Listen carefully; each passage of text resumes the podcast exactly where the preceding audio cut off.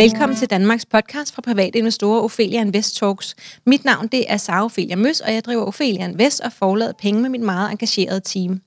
Vores mission det er at skabe rum for læring, og vores vision det er, at alle danskere ved, at investeringer er på bordet, hvis vi altså vil det. Strukturen er, at vi udkommer ugentligt, den varer cirka 30 minutter, og vi udkommer om fredagen. Vores hovedsponsorer det er Almindelig Brand og Spotlight Stock Market, og dagens tema det er markedsudsigt. Og jeg sidder herover for Frederik Engholm, der er chefstrateg i Nykredit. Og velkommen til dig, Frederik. Tak skal du have. Vil du ikke starte med lige at fortælle en lille smule om dig selv og din baggrund, og måske hvordan du har havnet på det her felt? Jo, det vil jeg gerne. Øhm, jamen, jeg kan lige starte med at sige, at jeg arbejder jo her i Nykredit, og det har jeg gjort de sidste 3-4 år som øh, chef for vores øh, afdeling for øh, international øh, økonomi, øh, global økonomi kigger vi på, og vi kigger på global politik, og, og vi gør det for at kunne sige noget om de finansielle markeder. Så det er ligesom det, der er fokus øh, i vores arbejde. Og øh, jeg har været i branchen et, øh, et, et, et godt stykke tid. Jeg har sådan i de sidste knap 15 år siddet med, med øh, makroøkonomisk analyse og investeringsanalyse på den ene eller den anden måde. Jeg har været i Novo Nordisk og i Danske Capital, øh, Danske Banks investeringsdel i øh, SEB, den svenske storbank, og, øh, og så her på det seneste i, uh, i Nykredit. Og hvor længe har du været her hos Nykredit? Jeg har været her, her siden, uh, siden 16, uh, sommeren okay. 16, så, så små, små, uh, små fire år. Ja.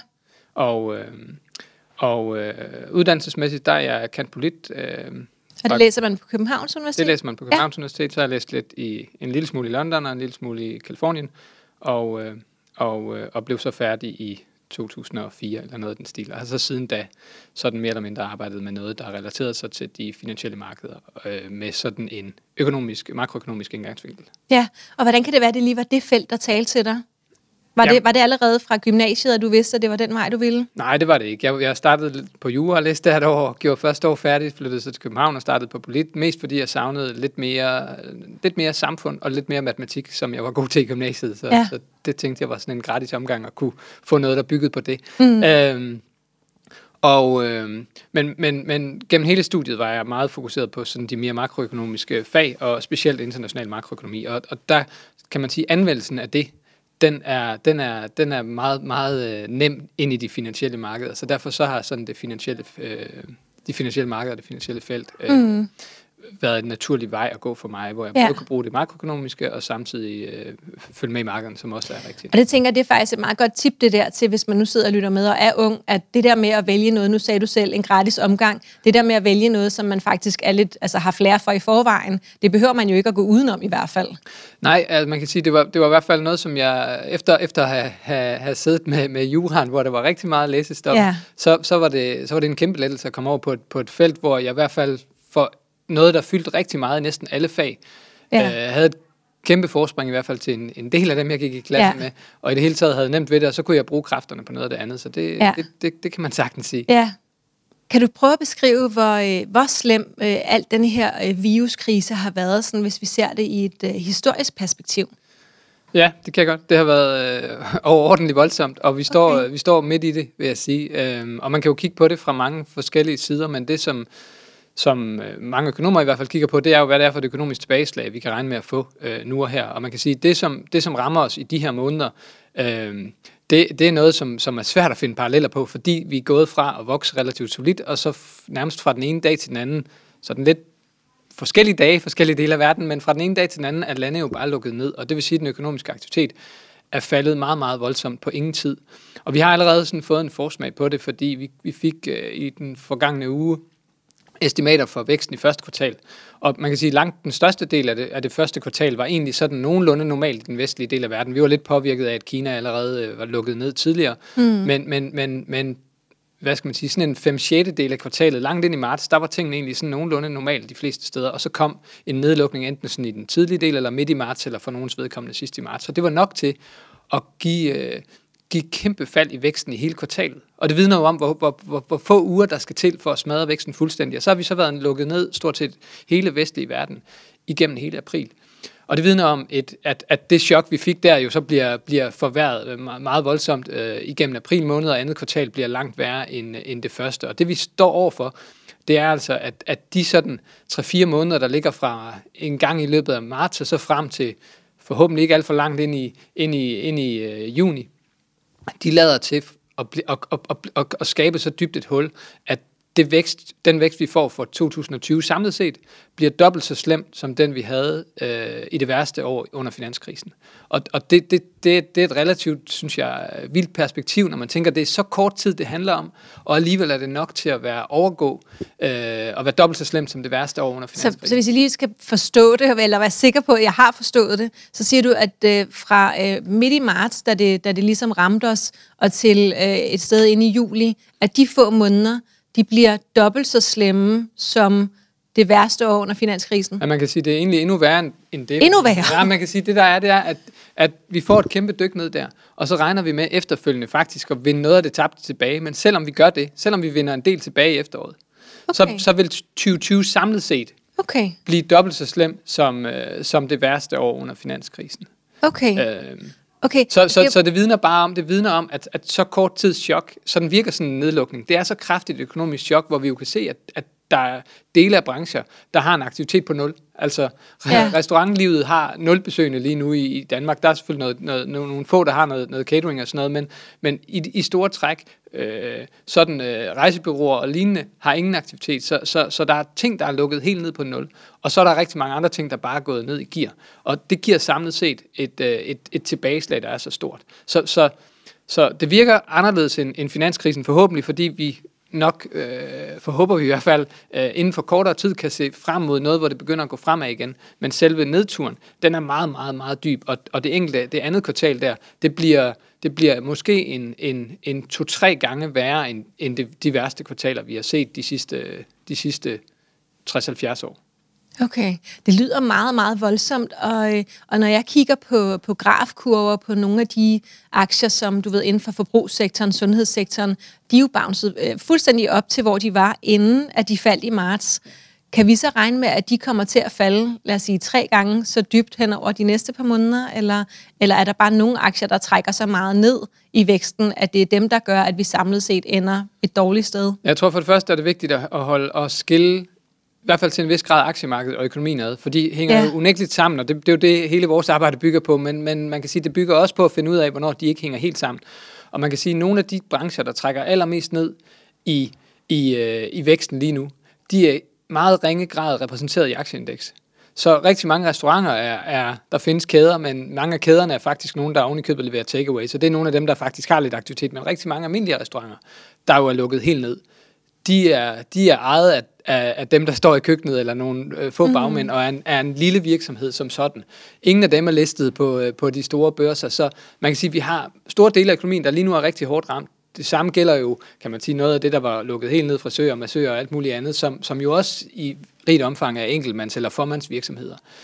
De er overhovedet ikke repræsenteret i aktieindeks, så, Nej. så, så noget af det, der, har, der, der skaber det store hul i økonomien, er ikke repræsenteret i aktieindeksene. Og man kan sige, og så nævner du oven i købet nogle selskaber, nogle brancher, som jo oplever en efterspørgsel, der, hvis ellers de kan, det har været et problem for sundhedssektoren, kan få, fat i de komponenter, de skal bruge til at producere, fordi der har været så meget produktionsstop ja. i forskellige dele af verden, egentlig oplever præcis den samme efterspørgsel, som de gjorde før, og, og dagligvareforretninger, stabilt forbrug, der jo måske lige frem oplever en fremgang, fordi Ja. folk øh, opfører sig på en anden måde nu Ja. end før. Så, så, øh, så, så dels er der de sektorer, men i det hele taget vil det også være sådan, at, at, at, at selvom det stød, vi forventer, og få til økonomien bliver større end det, vi forventer, øh, det vi fik under finanskrisen, så forventer vi ikke, at tilbageslaget indtjening bliver, bliver større. Vi regner med, vi regner med, at for eksempel det amerikanske indeks S&P 500, som man har gode tal for tilbage i tid også, at der vil vi opleve et fald på, ja, vi kan faktisk risikere op imod 40 procent i indtjeningen i, øh, i 2020. Det svarer til, hvad vi fik i finanskrisen. Til trods for, at vores tilbageslag i år, jo som jeg sagde, øh, tegner til at blive dobbelt så stort. Så, så det vidner om, at, at det kommer lidt an på, hvordan det rammer. Og i finanskrisen, der ramte det jo på en anden måde. Der ramte det, øh, det det gør det også det dels nu, men der ramte bankerne utrolig hårdt, som skulle tage store nedskrivninger. Nogle af dem skulle reddes, og nogle af dem endte med at være ingenting værd. Mm. Nogle af dem gik konkurs. Øh, det er en anden situation, vi står i i dag. Øh, så så det, det, er en anden, øh, det er en anden virkelighed, og man skal huske at skelne lidt mellem økonomi og, og, øh, og markedet, selvom de selvfølgelig hænger sammen. Ja, der er godt nok mange komponenter indenover. Øh, det, det, er svært at holde tungen lige i munden for alle os øh, almindelige mennesker, der går rundt derude. Øhm, kan jeg godt mærke. Øh, det sidder jeg i hvert fald med nu. Hvilke nogle økonomiske kriser kan vi sammenligne øh, det, som, som vi er i gang med lige nu, øh, og hvad kan vi lære af dem? Jamen, jeg tror, det som, det, som det, som vi håber, vi kan sammenligne det nogenlunde med, eller bedst med, det er nok sådan noget, der ligner mere en form for naturkatastrofe. Der er også nogen, der har sammenlignet det med, med, med, med, med krig, men, men jeg tror, at naturkatastrofer er på en eller anden måde det, det bedste eksempel, fordi det er noget, der lidt på samme måde kommer som et, typisk som et lyn fra en klar himmel, og og, og smadre dele af økonomien meget pludseligt, og så når det er væk igen, så kan vi begynde at, at, at, at, at starte op igen tilsvarende sådan hurtigt, kan man sige. Mm. Og det er lidt det, som folk håber på. Vi er uklare, det er uklart selvfølgelig, hvordan virusforløbet bliver i efteråret, og hvor meget vi kan åbne op, og om det kommer tilbage i nye bølger. Alt det er, er der jo stadig stor usikkerhed omkring. Ja. Men, men man kan sige, det er det forløb, de fleste har sig for øje. Noget, hvor vi får et eller andet øh, stød til økonomien. Det er så os selv, der har påført os det, fordi vi lukker ned, men det gør vi for at skåne os for virusen. Men det svarer lidt til, hvis man har haft en stor naturkatastrofe, så kan man efterfølgende ret hurtigt komme på fod igen. Det, som selvfølgelig er forskellen, det er, at vi har ikke smadret noget. Vi skal ikke bygge noget op igen på den måde. Det har øh, både nogle fordele selvfølgelig ved, at vi har ikke tabt alt de, alt de formål. Altså, der, der er nok nogle af dem, der er gået konkurs, som føler sig ret smadret. Ja, men det er rigtigt nok. Og der bliver også, ja, men det, det, det er faktisk en god pointe, for der vil være, der vil være på den måde ting af økonomien, der vil være, der vil være ødelagt. Mm. Men jeg vil sige, og, og, og det vil selvfølgelig betyde, at vi ikke regner med, det er også en af grundene til, at vi regner med, at den den, øh, hvad skal man sige, den, øh, den vækst, vi får på den anden side af, når vi begynder at lukke op igen, der vil vi ikke bare lige flyve tilbage og indhente alt det tabte, for der vil være nogen, der har mistet deres, øh, deres virksomhed, og der vil være nogen, der var ansat i den virksomhed, der har mistet deres indtægtsgrundlag. Og derfor står vi i en situation, hvor vi regner med, at indkomster og aktivitet vil være påvirket negativt efterfølgende også. Og på den anden side, så har vi jo ikke den, hvad skal man sige, sådan aktivitetsmæssige positive effekt af, af, af af naturkatastrofer, hvor man måske netop skal i gang sætte en masse aktivitet for at bygge det op igen. Det samme efter krige, hvor man jo skal i gang med noget aktivitet for at få gang i det. Er der ikke noget af nu? Nej, det er der ikke. Her har man til gengæld, og det er jo det, der nogle gange skaber øh, en situation, hvor der så kan komme inflationspres, fordi der, der ligesom øh, mangler øh, kapacitet. Vi tror, at vi står lidt i den modsatte situation nu, hvor vi har noget kapacitet, som ikke helt bliver brugt, fordi der er måske ikke den samme efterspørgsel, som der var før. Folk har ikke lige så mange penge mellem hænderne. Så, så, så derfor tror vi, at der har været lidt diskussion af, om det her bliver noget, der giver inflation, eller måske mere trækker i retning af, at den lave inflation kan blive der i længere tid, og der hælder vi måske nok mest til det sidste.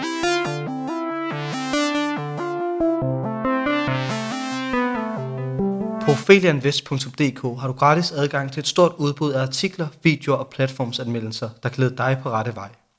På hjemmesiden finder du også vores eventkalender, der holder dig opdateret på vores foredrag og events. På hjemmesiden kan du blive klogere på teknisk og fundamental analyse, og her har vi ligeledes fanen ugen, der gik, hvor du kan blive opdateret på aktiemarkedets seneste højdepunkter. Ophelia Invest, vi skaber rum for læring. Øhm, jeg var lidt inde på det før, men, men hvordan kan det være, at aktiemarkederne øh, har det her sådan forholdsvis store rebound, i hvert fald for store, altså øh, hele sektorer, selvom arbejdsløsheden stiger i mange lande, og, og rigtig meget jo i USA? Ja. Jeg tror, man skal se det i lyset af, at, øh, at aktiemarkedet, det, det kigger jo som regel fremad og prøver at gøre det, og prøver at forstå, hvornår man tænker, at man har en fornemmelse for, hvor dybt vi skal sænke, øh, falde økonomisk, og, og dermed indtjeningsmæssigt, som jo er det, der betyder noget for aktionærerne i sidste ende.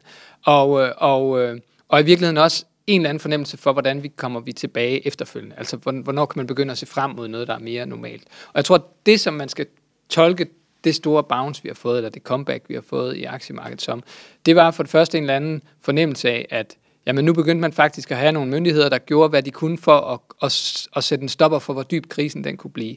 De hjalp også til med at undgå, det har specielt været centralbankerne med obligationsopkøb og så videre. De hjalp til med at undgå, at det, der startede som en, en, en nedlukning og en, en først en, en sundhedskrise og dermed derefter en økonomisk krise, det ikke ser ud til at udvikle sig nu i hvert fald til en, en finansiel krise, som har været et af de andre øh, frygtparametre, man har, har, har haft i markedet. Mm. Så, så, så det har bidraget til, at noget af den sådan værste ængstelse, den er forsvundet. Og nu har vi så haft en fase 2, tror jeg, der er blevet, hvor, hvor markedet har fået endnu et hop op over de sidste to uger. Vi har, det er ligesom kommet sådan i to bølger, hvis man kigger på globale aktier. Og den sidste bølge, den tror jeg er trukket af, at, at vi kom til en situation, hvor man kunne se, at smittetallene og dødsfaldene begyndte at aftage, og, og det i sig selv er jo, er, er, er fint. Og så derudover, så har man jo så kunne fokusere på, at det betyder, at der kan åbnes op for, for økonomien lige så stille igen. Så det har været øh, de to, tror jeg, ryg, der har været, at først så fik man al den her politiske respons, der har fjernet nogle risici, og så fik man bagefter forhåbninger om, at genåbningen kan starte, og det er så det, vi går i gang med nu her. Men lige så snart, at, at nu hvor vi begynder at være mere og mere sammen igen, så kan det jo bare gå galt ja. forfra. Og, ja, og, det, og det er præcis et af de ting, som vi lidt øh, holder fast i som et risikomoment. Og vi, vi synes måske nok, at det er gået lovligt hurtigt med, med det comeback, der har været i markedet. Vi synes stadig, der udstår mange Ja, vi er meget optimistiske, også investorer. Det synes vi lige nu. Ja. I hvert fald, i, i, det er vores vurdering, at, at, at, øh, at risikoen for, at man, måske har, at man måske ser lidt for optimistisk på, hvor nemt det kommer til at gå med de her genåbninger, den er, den er altså relativt stor. Det er klart, at hvis, hvis markedet bliver skuffet over, at det ikke er helt så nem en proces, som man havde håbet på, så vil der komme et tilbagefald. Og det er det, som vi, øh, det er det, som vi har sådan i vores hovedforventning, at, at, at over de næste to-tre måneder, der kan vi sagtens risikere at skulle, øh, skulle nedad igen, fordi at den her proces, den bliver mere ujævn, end, øh, end, markedet, øh, end markedet lige nu håber. Håber, ja. Fordi det er jo bare forhåbning, at vi sidder og gør os derhjemme bag computeren. Hvad kunne startsignalet være på, at markederne sådan for alvor skal ind i en længere uptrend igen? Ja, jeg tror, at det som, det, som er, har været det typiske startsignal, det har, det har jo været, at de øh, økonomiske indikatorer, der ligesom er gode til at sige, hvor er vi måned til måned, det er for eksempel de, de, de tal, der hedder PMI-tal, der kommer hver måned, som, som vidner om erhvervstilliden, og de bliver lavet på tværs af verden. Øhm, øhm, og der, der kan man få en, en, et, et billede af, hvordan aktiviteten ser ud i forskellige økonomier. Øhm, det, der typisk har tegnet sådan vendingen i, global, øh, i de globale markeder omkring øh, recessioner eller kriser, det har været en bund i, i, i de her PMI-tal. Og der er nok ikke den store tvivl om, at bunden ligger et eller andet sted omkring april måned. Så, så, så spørgsmålet er bare, om det er en lige så god indikator, som det plejer at være. Man kan sige, det, det matcher jo også med, at markederne her allerede, er allerede steget meget. Vi har ikke fået, vi har ikke fået kan man sige, øh, øh, bevis for, at det er sådan, det er. Vi kender jo ikke tallene for maj endnu, Nej. men, men, men det vil passe med, at det er der nedlukningen over det meste af verden har været mest intensiv. Ja. Så, så, så den del af historien er måske nemmere sådan at forstå. Det er lidt anderledes i andre kriser, hvor vi ikke helt ved, hvornår chokket er mest intenst. Her Ja. ved vi det, for det er politisk ret præcis? bestemt, Ja. mere eller mindre. Ja. Øh, så derfor tror jeg måske godt, at det kan blive lidt anderledes den her gang. Øh, jeg tror godt, at vi kan få et forløb, der bliver lidt mere ujævnt. Jeg tror, øh, hvorvidt vi allerede har set bunden i den her nedtur, er jo øh, er, er klart en mulighed, og i givet fald er optrenden startet. Men jeg tror, at den, den, den periode, vi kommer til at gå igennem over det næste lange stykke tid, bliver lidt mere ujævn. Fordi en ting er, hvordan genåbningsforløbet foregår. Det andet er, om vi begynder at være, have en reel forhåbning om enten noget behandling eller noget, noget vaccine, der kan fjerne det mere permanent, eller vi bliver ved med at skulle leve med en eller anden grad af social distancering og delvis nedlukning, i hvert fald af dele af økonomierne, der, der holder os tilbage og gør, at vi for eksempel ikke kan rejse, som vi gjorde engang. Og, at, Kan vi så forvente, at når du siger ujævnt, er det så mere volatilt eller øh, sidelæns? Eller begge dele? Jeg tænker, jeg tænker volatilt, for jeg tænker også, der kommer et efterspil omkring, nu, nu er der jo blevet lanceret ekstremt voldsomme hjælpepakker. Vi regner med, at under, budgetunderskuddet i USA, som jo i forvejen var højt, synes mange, der lå på sådan en øh, 5% af BNP, det kan ramme 15-20% af BNP i år. Det er sådan helt ud af, Jeg ud ved af ikke, hvad de tal betyder, men det lyder meget. Det er, det, er, det er et utroligt stort budgetunderskud at have et budgetunderskud på 20% af BNP, og sådan noget, man normalt kun har i krigstilfælde. Og det er jo det vidner om, at myndighederne har tænkt, det her, vi skal bare gøre alt, hvad vi kan for at holde mm. hånden under økonomien, så vi skyer ingen midler. Det er faktisk en god tendens. Men det, der kommer på den anden side, bliver en diskussion af, hvordan, hvis vi ender med at først ramme et underskud på 20%, så falder det måske lidt automatisk, når folk kommer tilbage på arbejde og begynder mm. at betale skat ind igen og sådan noget, ned til, til 10% 8% men det er stadig ekstremt højt i, i historisk kontekst. Der bliver nogle diskussioner der omkring, hvor meget skal vi så til at spare? Bliver det sådan en lidt ligesom omkring den europæiske gældskrise? Skal vi så ind i sådan en evig diskussion af, af, af, af sparepolitik fra myndighederne, der kan, gøre, der kan gøre ondt på markedet? Så jeg tror, det bliver et mere ujævnt forløb. Øh, men jeg tror, at vi over de næste, sådan, hvis ikke vi allerede har set bunden, så er det sådan nu her, hvor det økonomiske slag er mest intens, der definerer typisk bunden på markederne, og så vil vi opleve efterfølgende, tror jeg, en periode på to-tre år, hvor det kommer til at gå fremad. Men jeg tror, det bliver meget ujævnt i den her kontekst, hvor vi har, har, har, har, har brugt så ekstreme politiske virkemidler, at vi også skal finde ud af, hvordan afle- af, afvikler vi dem igen. Og det kan være svært for markedet. At, Jeg, jeg tror, der sidder en del derude og venter på en anden nedtur en, I markedet, eller hvad? Ja, altså at der, øh, det, det synes jeg, jeg hører, øh, Ja. du ved, øh, sådan i online fora, at der er nogen, der sidder og holder på pengene og venter på, at, øh, at det bliver endnu værre. Ja. Jeg Det er tror, ikke det, jeg hører, du siger. Nej, jeg tror økonomisk set tror jeg ikke, det er tilfældet. Men jeg tror markedsmæssigt tror vi stadig på, at der kommer et, et, et ben mere ned i det her. Okay. Spørgsmålet er, om, om vi skal længere ned, end vi har været. Det er, ikke, det er jeg ikke nødvendigvis sikker på. Men jeg tror, det som jeg tror, man kan gisne om, det er jo, at, at hvis det viser sig, at vi i meget lang tid skal have de her nedlukninger, så er det et andet scenarie, end det, som markederne indpriser lige nu for mig at se. Mm. Så kræver det, at amerikanske aktier er mere end de her øh, 10% ned for året, 15% ned for toppen, som vi ligger i dag. Hvor, hvor langt skal de så ned? Jamen, så mener jeg, så skal vi have en, en større, i hvert fald sådan på kort sigt, mens usikkerheden øh, flager, så skal vi ned og snakke Øh, 25-30 procent. Ikke helt dernede, hvor vi var, for det var lidt længere nede end det måske, men, men, men, men i højere grad indprise en usikkerhed omkring, at det ikke bare indtjeningen i år er ramt hårdt, for det, det, det tror jeg godt alle ved, men også, måske også, at, at indtjeningen til næste år ikke lige kommer tilbage til det niveau, folk havde, havde regnet med. Så det handler egentlig om, tror jeg, at det næste skridt handler mere om, hvor hurtigt vi kommer tilbage, end hvor end hvor dybt vi skal synke. For det der med, hvor dybt vi skal synke, det kan folk alligevel ikke helt forholde sig til, for det er formentlig så kort vej. Det er mere, hvor lang tid det så tager vi, end alt det, vi mistede tilbage igen. Så hvordan skal man så som privatinvestor tilpasse sin portefølje oven på de her aktiefald, der har været, og, og med potentielle flere? Hvordan skal man forholde sig, hvis man nu var investeret? Altså det vi jo, det vi jo generelt anbefaler, og, og, og det ved jeg, det er jo der mange, der, der, der synes er for kedeligt i, i dem, der er meget aktive selv, det er jo, at, at man har en horisont, der er lang. Yes. Og det, det betyder, at man skal passe på med at gøre alt for meget af det her, for det er ekstremt svært at time. Så lad os sige, at, øh, at jeg havde 500.000 i aktiemarkedet. Øh, skulle jeg så have gjort noget som helst i den her periode, eller skulle jeg bare have tænkt, min tidshorisont er 10 år, så jeg kigger slet ikke på det? For langt de fleste skulle man ikke have gjort noget. Okay. Øh, og, vi, og det vi gør selv som, som, som, som professionelle investorer, det er jo, at vi sidder typisk og har nogle overordnede rammer. Vi deler kunderne ind i nogle kasser efter risikoniveauer, og inden for de rammer, der flytter vi os meget lidt. Mm. Så, så vi går ikke ud og siger, hvis du har 50% aktier i sådan din normale i gennemsnit, så går vi ikke ud og siger, at du lige pludselig skal ned og have 10%, eller sådan, nu er det tid til at sælge det hele ud. Det vi måske i højst gør, det er, at vi justerer 5-10 procentpoint, altså går ned til 40% aktier i stedet for lavere små justeringer. Det gør vi jo netop i erkendelse af, risikoen ved at skalere helt ned til 0 og tage fejl på det, så giver vi dig faktisk et helt andet langsigtet afkast, end ja. det du egentlig har, ja. har, har ønsket. Så derfor så laver vi ret små justeringer normalt. Jeg vil dog sige, at vi, vi, det vi har gjort i den her kontekst, det er, at vi så i stedet for har pillet lidt ved sammensætningen inden for nogle af vores øh, komponenter. Så det vi har gjort inden for aktieblokken, det er så, at vi er krøbet i lidt mere defensiv retning, fordi ja. vi tror, der er i, i et miljø som det her, hvor der stadigvæk er så stor usikkerhed, også, selvom, også selv i perioder, hvor markedet faktisk klarer sig udmærket, og det er lidt unormalt, vil være efterspørgsel efter de mere defensive dele af aktiemarkedet. Det kunne så være forbrug, sundhed? Det kunne præcis være nogle af dem, du peger på. Ja. Vi overvægtede, vi overvægtede stabil forbrug og, sundhed, ja. og, og sundhed i vores, i vores sektorsammensætning. Så det er præcis et udtryk for det. En anden måde, man kan gøre noget tilsvarende på, og det er også tilgængeligt for de fleste, om ikke andet via ETF'er for eksempel, det er at, at købe ind i sådan nogle fonde, der, der, der hedder enten minimum volatilitet eller lav volatilitet. Og det er, det er egentlig ikke kun defensive sektorer. Det kan faktisk godt være aktier, der, der, der også kommer fra nogle af de mere cykliske sektorer, som industri eller energi eller noget af den stil. Men de er sat sammen, porteføljen er sat sammen, eller, eller hvad man siger, fonden er sat sammen på en måde, så, så man, har, man har ligesom taget nogle aktier, der, der, der diversificerer hinanden godt ind i porteføljen sådan at de generelt samlet set tenderer til at have lavere øh, udsving end markedet, altså lavere volatilitet mm. end markedet. Og der kan man simpelthen, dem, dem kan man både købe fonder og ETF'er øh, på. Og det er en anden måde sådan at, at, at og, og hvad skal man sige, investere lidt mere forsigtigt øh, i en tid, hvor man tror usikker, men stadig være investeret. Ja. Det er klart, at hvis vi får et bullerne opsving, og alle tænker, at det her corona det er væk om to måneder, så, så vil det være noget, der vil halte lidt bagefter. Vi tror, det er mere sandsynligt, at vi vil blive ved med at være i en periode, hvor usikkerheden er, er betydelig, og derfor at der bliver ved med at være efterspørgsel efter den her slags øh, ja. komponenter.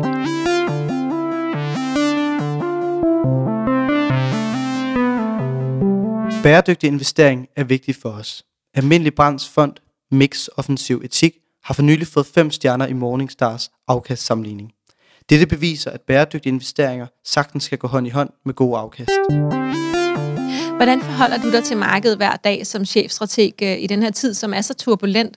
Øh, nu nævnte du selv PMI-tallet osv. Er der, er der andet? Hvad, hvad gør du ellers for at være et skridt foran? Fordi det forventer andre vel, at du er. Ja, og det sjove er jo, at, øh, at i en tid som den her, der kigger man på nogle lidt andre ting. PMI-tallene, som normalt er vores øh, klart så den bedste økonomiske instrument, og typisk har en meget stærk sammenhæng også med markederne, er sådan på en eller anden måde lidt, lidt nyttesløst nu, for det fortæller noget om, om, om det går dårligere eller bedre. Og vi vidste alle sammen godt, at det gik utrolig meget dårligere i april måned, end det gjorde i marts måned. Vi kommer formentlig også til at se, at det går en del bedre i maj måned end i april måned. Så de ændringer, der er i PMI'erne, de er så voldsomme og siger, og kan egentlig ikke bruges til særlig meget. Vi er nødt til i den her periode at kigge på lidt mere øh, af de faktiske, altså faktiske økonomiske nøgletal, som viser den reelle udvikling, altså sådan noget som BNP eller forbrugstal eller investeringstal, hvorimod de her erhvervstillidsindikatorer, som kommer meget tidligt og som normalt er vores gode instrumenter, de, de, kan ikke veksles til direkte økonomisk vækst, og vi er egentlig mere interesserede i at finde ud af, hvor dybt falder vi, end, end bare går det lidt frem i næste måned eller ej. Så vi kigger på nogle lidt andre økonomiske nøgletal, end vi plejer at gøre. Vi kigger også rigtig meget på, om, øh, om det finansielle system sander til. Så vi kigger meget på, på ting inde i det finansielle marked, på om for eksempel bankerne de renter, de stiller til hinanden, om de, øh, om de lige pludselig er højere eller ikke er det. Okay. Og det, det, det var sådan noget, der var galt under finanskrisen. Det er jo for at se, om det økonomiske tilbageslag, vi får, det begynder at spille over i problemer i finansmarkederne. Det var der antydning af i, i, i marts måned, men centralbankerne har hurtigt fået dæmpet det her øh, ned, så det ikke øh, synes at være tilfældet. Jeg sidder lige og bliver enormt- tryg over, at I holder øje med alle de ting alle sammen. så jeg tænker, der, altså også centralbankerne så holder øje med, okay, stiger renten, og så kan vi gøre noget ved det. Ja. Altså der sker enormt mange ting, som, som almindelige mennesker, som jeg jo ikke går rundt og er opmærksom på. Og, og det er jo også en del af det, der har medvirket til at, at skabe det, den vending i markederne, vi har fået. Man skal, man, skal, man skal tænke sig, at centralbankerne i løbet af to-tre uger rullede et arsenal af, af forsvarsmekanismer, eller hvad man skal kalde det, øh, ud, som, som langt oversteg det, man nogensinde nåede at gøre under finanskrisen, som tog adskillige år. Var det, for, var det erfaring fra finanskrisen? der Ja, havde plus det, på? det, det var erfaring, plus det, at de havde opfundet nogle instrumenter under finanskrisen, Okay. så de havde dem dybest set klar. De sad og kiggede på, hvad var det for nogle ting, som, som vi skulle passe på sidst, hvor var det, vi skulle kigge hen sidst. Øh, og man kan sige, specielt i Europa har vi jo haft den situation, at den europæiske centralbank hele tiden har kæmpet med, hvornår er det inden for vores mandat, altså hvornår har vi lov til at gøre det her, eller hvornår er vi uden for vores mandat. Det har været sådan deres politiske spændetrøje gennem hele gældskrisen i 10, 11, 12, 13. Øhm, i den her situation har de ligesom fået testet mange af de grænser. Nu er de så ved at løbe ind i dem igen desværre. Øh, men det betyder, at de sådan umiddelbart kunne rulle rigtig mange ting på plads, som de faktisk sidste gang brugt overvis på at blive enige med sig selv om, om de i virkeligheden kunne tillade Ja. sig at gøre. Der var retssager ved den europæiske forfatningsdomstol. Apropos kommer der en, en afgørelse ved den tyske forfatningsdomstol i dag om netop ECB, men det, det siger noget om, at vi er ikke helt ud over det der med, at landene sætter spørgsmålstegn ved, hvor meget ECB har lov til at gøre. Så det er stadig lidt en spændetrøje for dem, men i mindre grad, for de har trods alt været igennem noget af det før. Ja.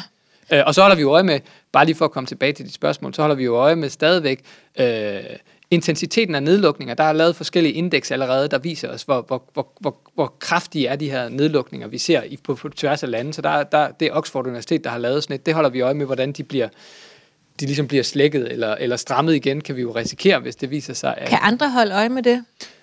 Det kan de godt, hvis de går ind og, og, og finder data på Oxfords Universitets hjemmeside. Det er relativt... Øh, Hvad skal man søge efter? Jeg tænker, hedder- der sidder helt det- sikkert nogen, der kan godt kunne Det hedder, det hedder. Stringency Index. Okay. Øhm, så det handler om, hvor stramme de her... Ja. Jeg tror, det hedder Containment Stringency Index fra Okay. Oxford. Yes. Øhm, og, øh, og derudover hol- holder vi øje med...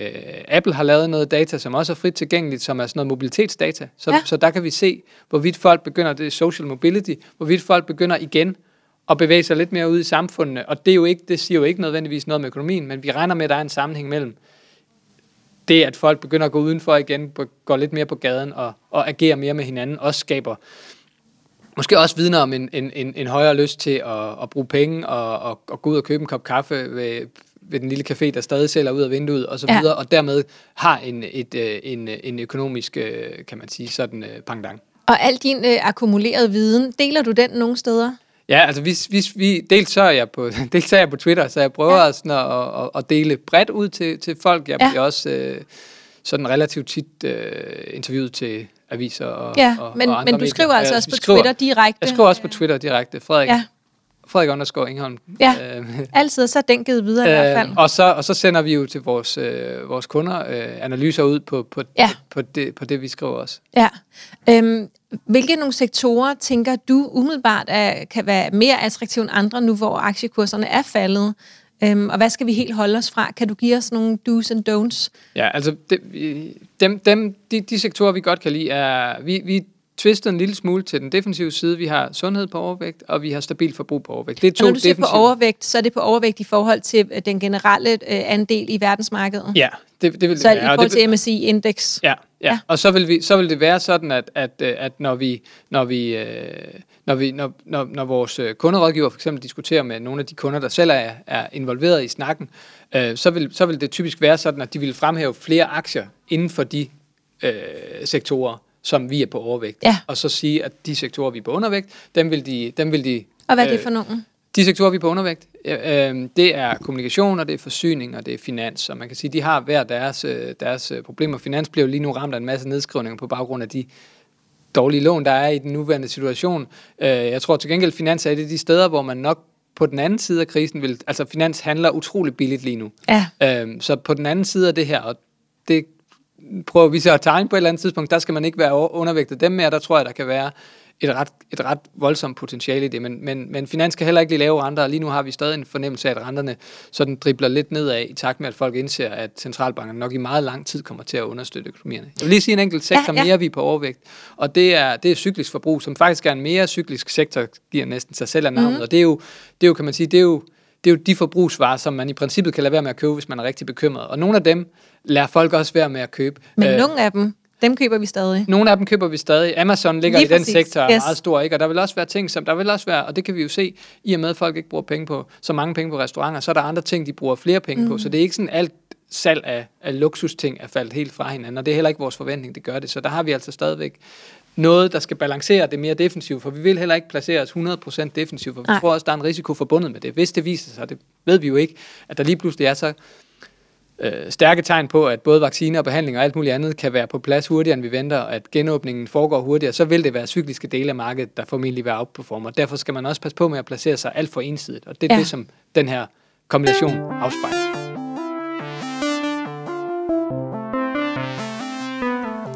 Ophelia Invest Talks er sponsoreret af Spotlight Stock Market. Spotlight Stock Market er markedspladsen, hvor investorer og vækstselskaber mødes. Hos Spotlight er det enklere og tryggere for selskaber at være noteret, da det tilbyder en helhedsløsning. Det øger synligheden for selskaberne gennem unikke mediesamarbejder. Investorer får gennem Spotlight mulighed for at blive medejer i mere end 170 vækstselskaber i forskellige brancher fra flere lande. Deriblandt selskaber som Free Trailer, Barnhof og Synthetic MR.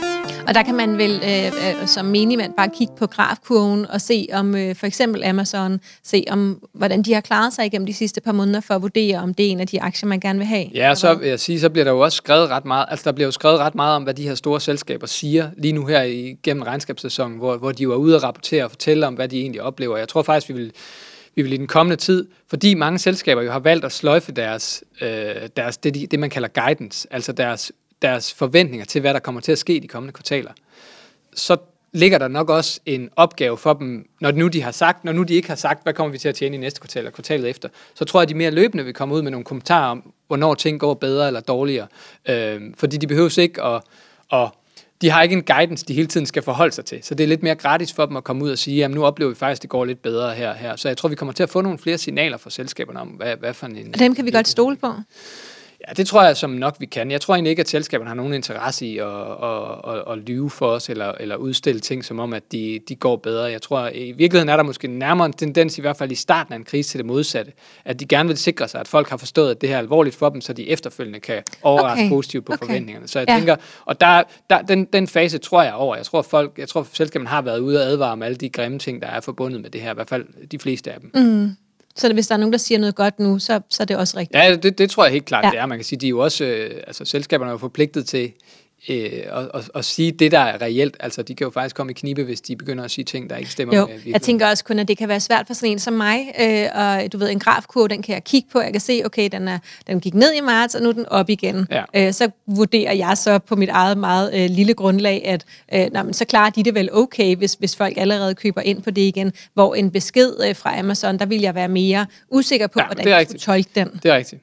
Jeg så det, man skal holde sig for øje, det er selvfølgelig bare, at, at, at lige nu er rigtig mange af de store bevægelser i markedet, det er drevet af den samlede markedsstemning, og, måske, og, og derfor så drukner enkeltselskabernes bevægelser lidt i, lidt i det, ikke? Altså ja. alle oplevede, næsten alle selskaber oplevede, også de, også de meget stabile, oplevede meget store fald i løbet af, i løbet af, af marts måned. Ja, og jeg efter bare, der er nogle af dem, der, ja præcis, der er nogle af dem, der er hoppet helt op på niveau, og så er der nogen, der kun er hoppet 10 procent. Ja, men helt klart. Og der er jo nogen, der er kommet helt tilbage, og der ja. er også nogen, der nærmest ikke har rokket sig ud af flækken, men er blevet ja. dernede, hvor de startede. Ikke? Og det ja. vidner jo også om, at man har indset, at der er, der er selskaber, der er positioneret på en måde, så de kan modstå den her krise. Ja. Nu er det jo ikke mit, uh, mit område at kigge på enkeltselskaber, så det jeg lige, Nej. altså, derfor kommer jeg heller ikke med Men lad mig hellere stille et spørgsmål, som er dit uh, område. Uh, hvilke scenarier ser du som det mest sandsynlige for markedet i resten af 2020? Kan du sige lidt kort noget om det? Jamen, jeg tror, at det mest sandsynlige er, at, at vi kommer til at se en periode med skuld, og jeg tror også godt, vi kan komme til at se en periode på, på en eller øh, to-tre måneder med, øh, med, øh, med noget mere bølgegang, og hvor, hvor pilen øh, også kommer til at vende nedad øh, i perioder. Og så tror vi generelt, at, at året slutter højere end der, hvor vi står i dag. Så vi tror, at, at på trods af det, og det er jo også en af grundene til, at, at, at, at vi sådan er lidt varsomme med at sige, nu skal man bare gå ud og, og, og, og sælge det hele, og så håber, at man kan ramme, øh, ramme markedet igen, når det stiger på det rigtige tidspunkt. Så, så vi har en et scenarie, som er sådan lidt blødt på den korte bane, men på lang sigt holder vi fast i, at det er fint at eje aktier. Godt. Så har jeg et enkelt øh, bonusspørgsmål, øhm, og det er fordi, vi ved, du har øh, udtalt dig lidt om ejendom. Øh, så øh, hvad er den bedste investering, ejendom eller aktier, hvis man er langsigtet? Jamen, det er, det er aktier. Det, Det er aktier? Det er, det er aktier, typisk. Ja. Okay, okay. Og så allersidst, øh, har du et godt råd til den private investor, der sidder og lytter med nu, som er investeret, eller som overvejer at gå ind? Det, det, ved jeg ikke, om, det, det ved jeg ikke, om jeg har. Altså, jeg synes, jeg synes i hvert fald, at man skal, man skal... Til den, der overvejer at gå ind, synes jeg i hvert fald, at man skal passe på med at tænke, når man overvejer at gå ind. Hvis man har, tænker, man skal investere for en længere horisont, så skal man passe på med at sidde alt for længe hele tiden og tænke over, hvornår man skal gå ind. Men Okay. okay. det, man i stedet måske skal gøre, det er at dele det op i nogle portioner, og så putte pengene ind i markedet, for man kan blive ved med at sidde og vente. Øh, på, Jamen, det er præcis det, jeg går ud og siger hele tiden. Så det er jeg rigtig glad for at høre, Frederik. Tusind tak, fordi du vil være med. Selv tak. Øh, og til dig, der lytter med derhjemme, du kan følge Ophelia Invest på Facebook, Instagram og YouTube. Feedback er altid velkommen. Har du ris, ros eller forslag, så send os endelig en mail på kommunikation du er velkommen både i Aktieklubben Danmark og Kvindelogen, vores to store investorgrupper på Facebook, hvor at 11.000 danskere sidder og sparer øh, dagligt, og det er helt gratis. Du er også velkommen til at kigge ind på vores hjemmeside, ofelianvest.dk, og så er der bare tilbage at sige tusind tak, fordi du lyttede med.